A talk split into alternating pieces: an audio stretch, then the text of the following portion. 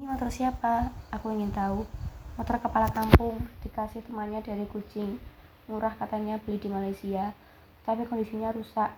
Andi menyeka pelipis membuat dahinya hitam. Aku bergumul mengangguk, sejenak memperhatikan. Lalu aku teringat sesuatu. Aku harus tiba di tempat kerja baruku. Sesegera mungkin Pak Tua menunggu. Aku pamit pada Bapak Andi yang sekarang sibuk menepis ujung sarung. Mungkin ada laba-laba atau serangga jahil masuk.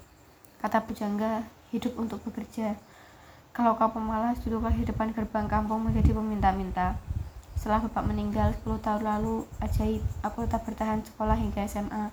Sebulan lulus dari SMA setelah sibuk melamar pekerjaan, salah satu pabrik pengolahan karet yang banyak terdapat tepian Kapuas menerimaku. Itu tempat bekerja pertamaku, dengan seragam berwarna oranye. Gagah memang. Ibu sampai tertawa melihatku siap berangkat pagi-pagi.